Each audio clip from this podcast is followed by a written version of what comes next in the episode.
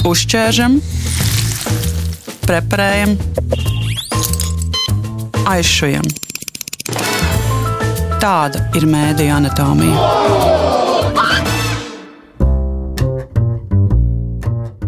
Šonadēļ aprit 98 gadi kopš pirmās radio pārraides Latvijā. Mēdīju anatomijas studijā šonadēļ saruna ar divu radio satura kanālu pārstāvjiem - Raidi Thompsonu, Latvijas Rādio 1 programmu vadītāju un Annu Stroju, Latvijas Rādio 4 galveno redaktori. Aidis radio strādā kopš 1991. gada, toreiz mikrofona muzikālajā aptaujā, bet Anna ar lielu pieredzi rakstošajā žurnālistikā Latvijas Rādio 4 kolektīvam pievienojās 2014. gadā. Sarunu sākam ar to, kas raksturo radiožurnālistiku un kā tā mainījusies abu darba gadu laikā. Manuprāt, radio ir tā gan plus, gan minus. Radio mēs dzirdam cilvēka jūtas, cilvēka emociju, cilvēka attieksmi. Savukārt man šķiet, ka reizēm tā argumentācija vai tā struktūra, kura nepieciešama veidojot tieši tekstu, nu, būtu vēlama arī radio, radio raidījumos. Reizēm man uh, raidījumi šķiet ļoti haotiski, un reizēm man žēl, ka žurnālists ir drīzāk Viņš var uzdot jautājumus, un pareizus un asus. Bet man liekas, ka radiožurnālists tomēr mazāk eh, atbild par to, kas skan ēterā, nekā, piemēram, rakstušais. Kā tev liekas, Aidi? Jā, bet man liekas, ka tas kaut kādā mērā ir atkarīgs no žurnālista paša. Es esmu mainījies laikam šo gadu gaitā. Es, jā, jā, jā. jā, es vispār 90. gadu sākumā vidū kļuvu par ziņu dienas žurnālistiku un tādu objektīvā neutralitāte bija mans nu, tāds ierocis. Jā, paši par sevi saprotama lieta, ko es centos ļoti strikti ievērot.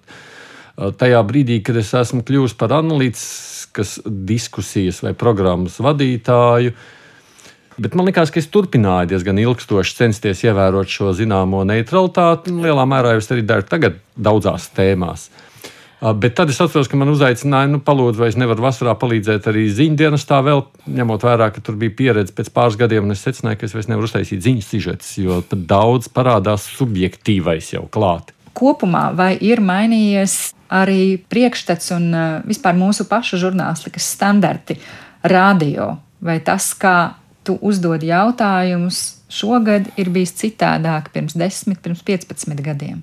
Es domāju, tie pamatprincipi jau nevar pēc būtības mainīties. Ziņām ir jābūt objektīvām.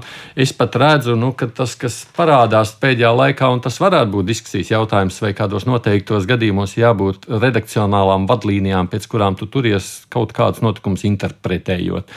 Droši vien, ka visvairāk mēs to jutām Covid laikā, vai, pieņemsim, karš ar Ukrainu laikā, ja, kurā, nu, tad, ja tu atļaujies pieņemsim, atbalstīt Krievijas agresiju, tad iespējams tas jautājums par tavu darbu sabiedriskajā medijā ir uz jautājuma zīmes. Bet visādi citādi es būtu par to, ka tās ir drīzāk izņēmuma gadījumi nekā likumsakarības. Ziņām ir jābūt neitrālām notikumu atspoguļotājām. Ziņām, jā, kā ar pārējo.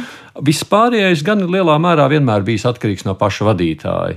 Mums ir bijuši subjektīvi intervētāji, centušies neitrāli būt intervētāji, cenšies būt uzbrukoši intervētāji. Nu, katrs mēs darām kā nu, kas varbūt atspoguļo katru mūsu personisko pieeju žurnālistikā. Vismaz tā es to esmu jutis visus šos gadus Latvijas raidījumā. Man liekas, ka tas nav mainījies. Pavisam nesen, tad, kad mēs uzzinājām sabiedriskā labuma testa rezultātus, un mums bija Tur izskanēja, manuprāt, ļoti vērtīga un interesanta doma. Tiesa, es vēl neesmu gatava formulēt kaut kādu savu attieksmi pret to. Tas ir drīzāk pārdomu laiks. Bija runa par to, ka žurnālists tomēr pats ir arī satura veidotājs, jo tā neutralitāte reizēm viņa pārvēršas arī par paviršību.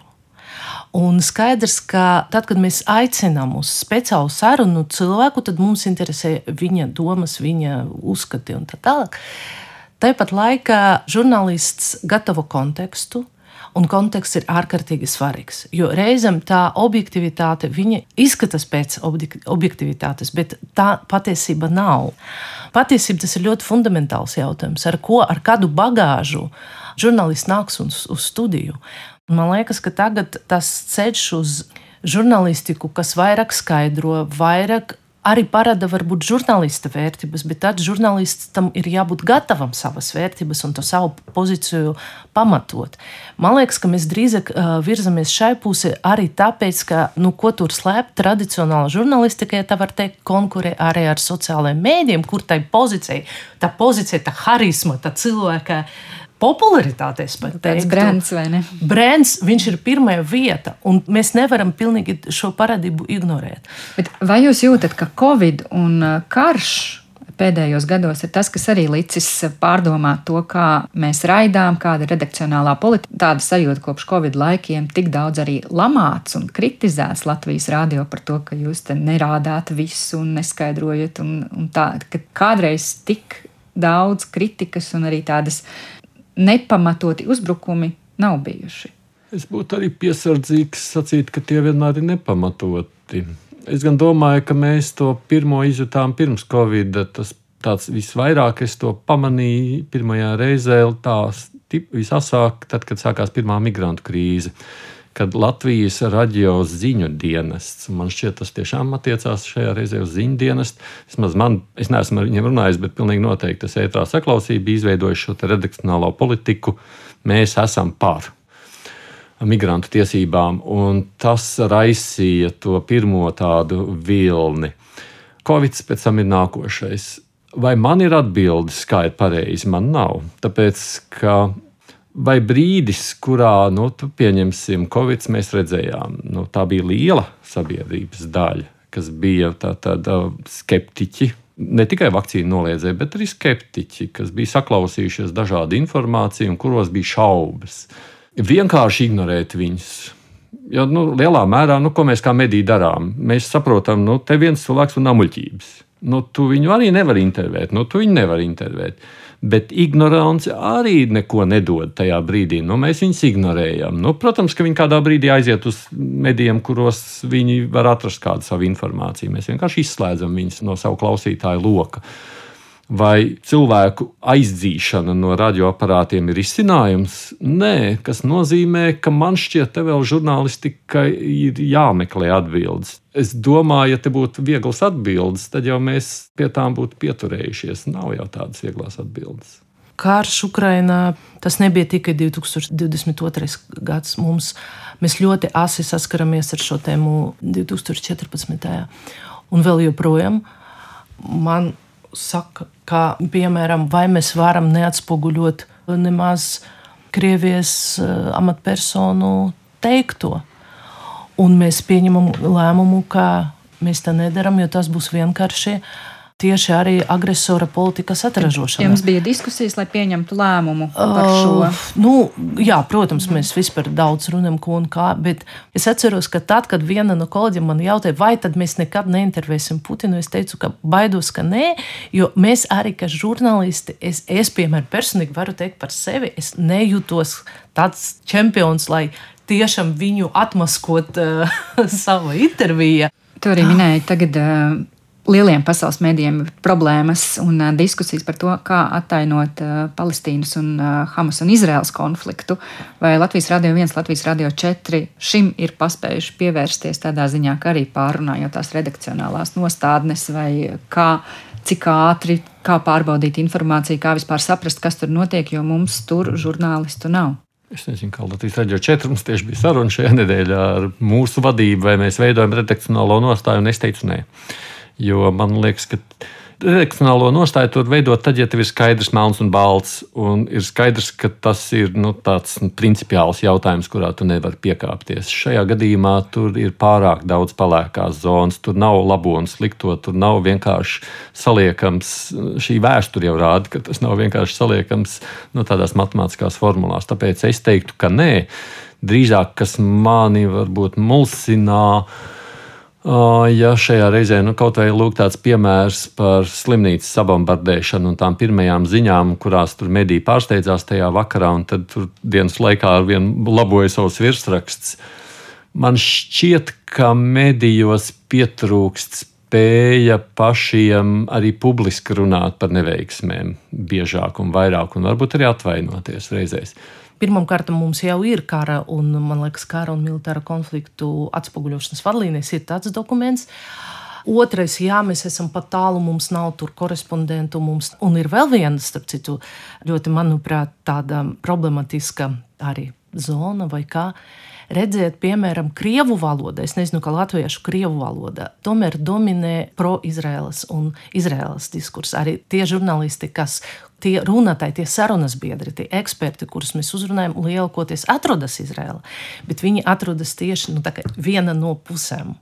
Līdz ar to, manuprāt, jā, es pilnīgi piekrītu, ka šajā konfliktā mēs nevaram nostāties tomēr vienā pusē. Atcaucoties arī uz to, ko tu Aidi teici, ka mēs pārāk maz runājam par savām kļūdām, vai jums nāk prātā kāda vissāpīgākā pašam sev pieļautā kļūda radio ēterā? Nu, ir jau vairākas, droši vien, bet tās kļūdas jau lielākoties ir bijušas saistītas ar kaut kādas informācijas nesagatavošanu pirms tam, vai neievākšanu, vai palaišanu garām. Un tas jau izpaužās vai nu neveiksmīgā diskusijā. Es nevaru pat šobrīd pat precīzi atcerēties tieši konkrēto tematu, bet atceros, tā bija par enerģētisko jomu. Kurā es pēc, nu jā, es kaut kādu dienu, diennakti baigi drāmīgi jutos, jo es sapratu, ka es nebiju gatavs tai diskusijai un nebiju spējīgs viņu novadīt, tāpēc, ka, nu, jā, acīm redzot, pārāk maza sagatavotība bija šai sarunai. Nu, ir bijuši arī kaut kādi tādi pavisam neveiksmīgi, piemēram, neveiksmīgi uzdots jautājums, kurā tev šķiet, pat liekas, ka tur jau nekā tāda nav. Tas bija pirms kaut kādiem dažām mēnešiem, kad bija Jānis Dombūrs, kurš bija izpētījis to jautājumu, un man norādīja, ka jautājums pats par sevi ir nekorekts, un viņam bija pilnīgi taisnība. Man to arī vajadzēja pēc tam publiski nākamajā dienā atzīt ēterā. Domāju, ka tādas jau jebkuram žurnālistam ir neizbēgamas. Man jau šķiet, ka radošs darbs pēc idejas ir tāds, kurā tev nu, tādas mīles par to, kas tev ir sanācis, ir nu, gandrīz obligāta darba sastāvdaļa. Citādi jau nemaz nevar būt. Nu, man varbūt uzreiz nenāk prātā savas kļūdas, jo toties kā galvenā redaktore, es ļoti bieži atbildu par savu kolēģu kļūdām. Un pavisam nesen mums bija gadījums, par kuru mēs pieņemam stingru lēmumu atbrīvot no darba žurnālistu. Par ko tas bija? Tas bija par um, to, kā Krievijas skolās tagad ejot cauri latviešu valodas pārbaudēm, atlūgumu uzrakstīja skolotāja. Tas tiešām bija kaut kāds ļoti dīvaini veidots sižets, jo tur to ciparu apstrīdēja gandrīz visi avoti. Toties žurnālisti bija likusi šo ciparu nu, ēterā protams, kauns par šo sižetu. Arī varbūt mēs nevarējam laikā kaut kā to pārbaudīt un, un izņemt, un varbūt samainīt šo sižetu pret kādu citu un likt žurnālistiem pārbaudīt faktus. Tad, tad reizēm jākļūdas ir un par kļūdām ir jāatbild. Tur nav variantu. Šonadēļ svinam 98 gadus, vai jūs divus gadus uz priekšu varat pamodelēt Latvijas Rādio 100, ko jūs darāt radio Tu, Anna, es nezinu, vai es paliktu radio vēl uz diviem gadiem, godīgi sakot. Es vairāk redzētu oriģinālu saturu digitālajām platformām nekā lineārajai apraidei. Tā ir laikmeta, kā saka, pazīmē. Es gribētu redzēt vairāk uh, oriģinālu podkāstu. Mēs runājam par to saturu. Saturs nav tikai tiešraidē vai lineārais ēters. Saturs ir arī tas, kas iet ar mūsu zīmi, ar mūsu brendu, ar mūsu to Latvijas radio reputāciju. Kādas tev aidis sajūtas par divu gadu tālu nākotni savā ēterā? Te var redzēt atšķirības starp mani, kurš ir parasts vadī, žurnālists, un starp Annu, kas ir vadītāja. Jo, nu, es jau, jā, es nekad neesmu gribējis kļūt par priekšnieku. O, es arī nekad un, neesmu gribējis. Jā, bet es, es, ne, es esmu vienmēr atteicies no tādas iespējas, tāpēc ka es. Nu, Man liekas, ka tiem cilvēkiem būs jāredz, kas vadīs radio, nu, vai mana vieta ir turpat, kur es esmu tagad, vai cita vieta, vai varbūt vispār nekur šajā mājā nav vieta. Kas redzēs to kopējo ainu, tad es atkarībā no tā, vai nu būšu vai nebūšu. Mēdīju anatomijā dzirdējāt sarunu ar Annu Stroju, Latvijas Rādio 4 galveno redaktori un Aidi Thompsonu, Latvijas Rādio 1 raidījumu vadītāju. Raidījumu veidoja Zane Ozoliņa un Reinis Budze. Uzķēršam, preparējam, aizšujam. Tāda ir mēdīņa anatomija.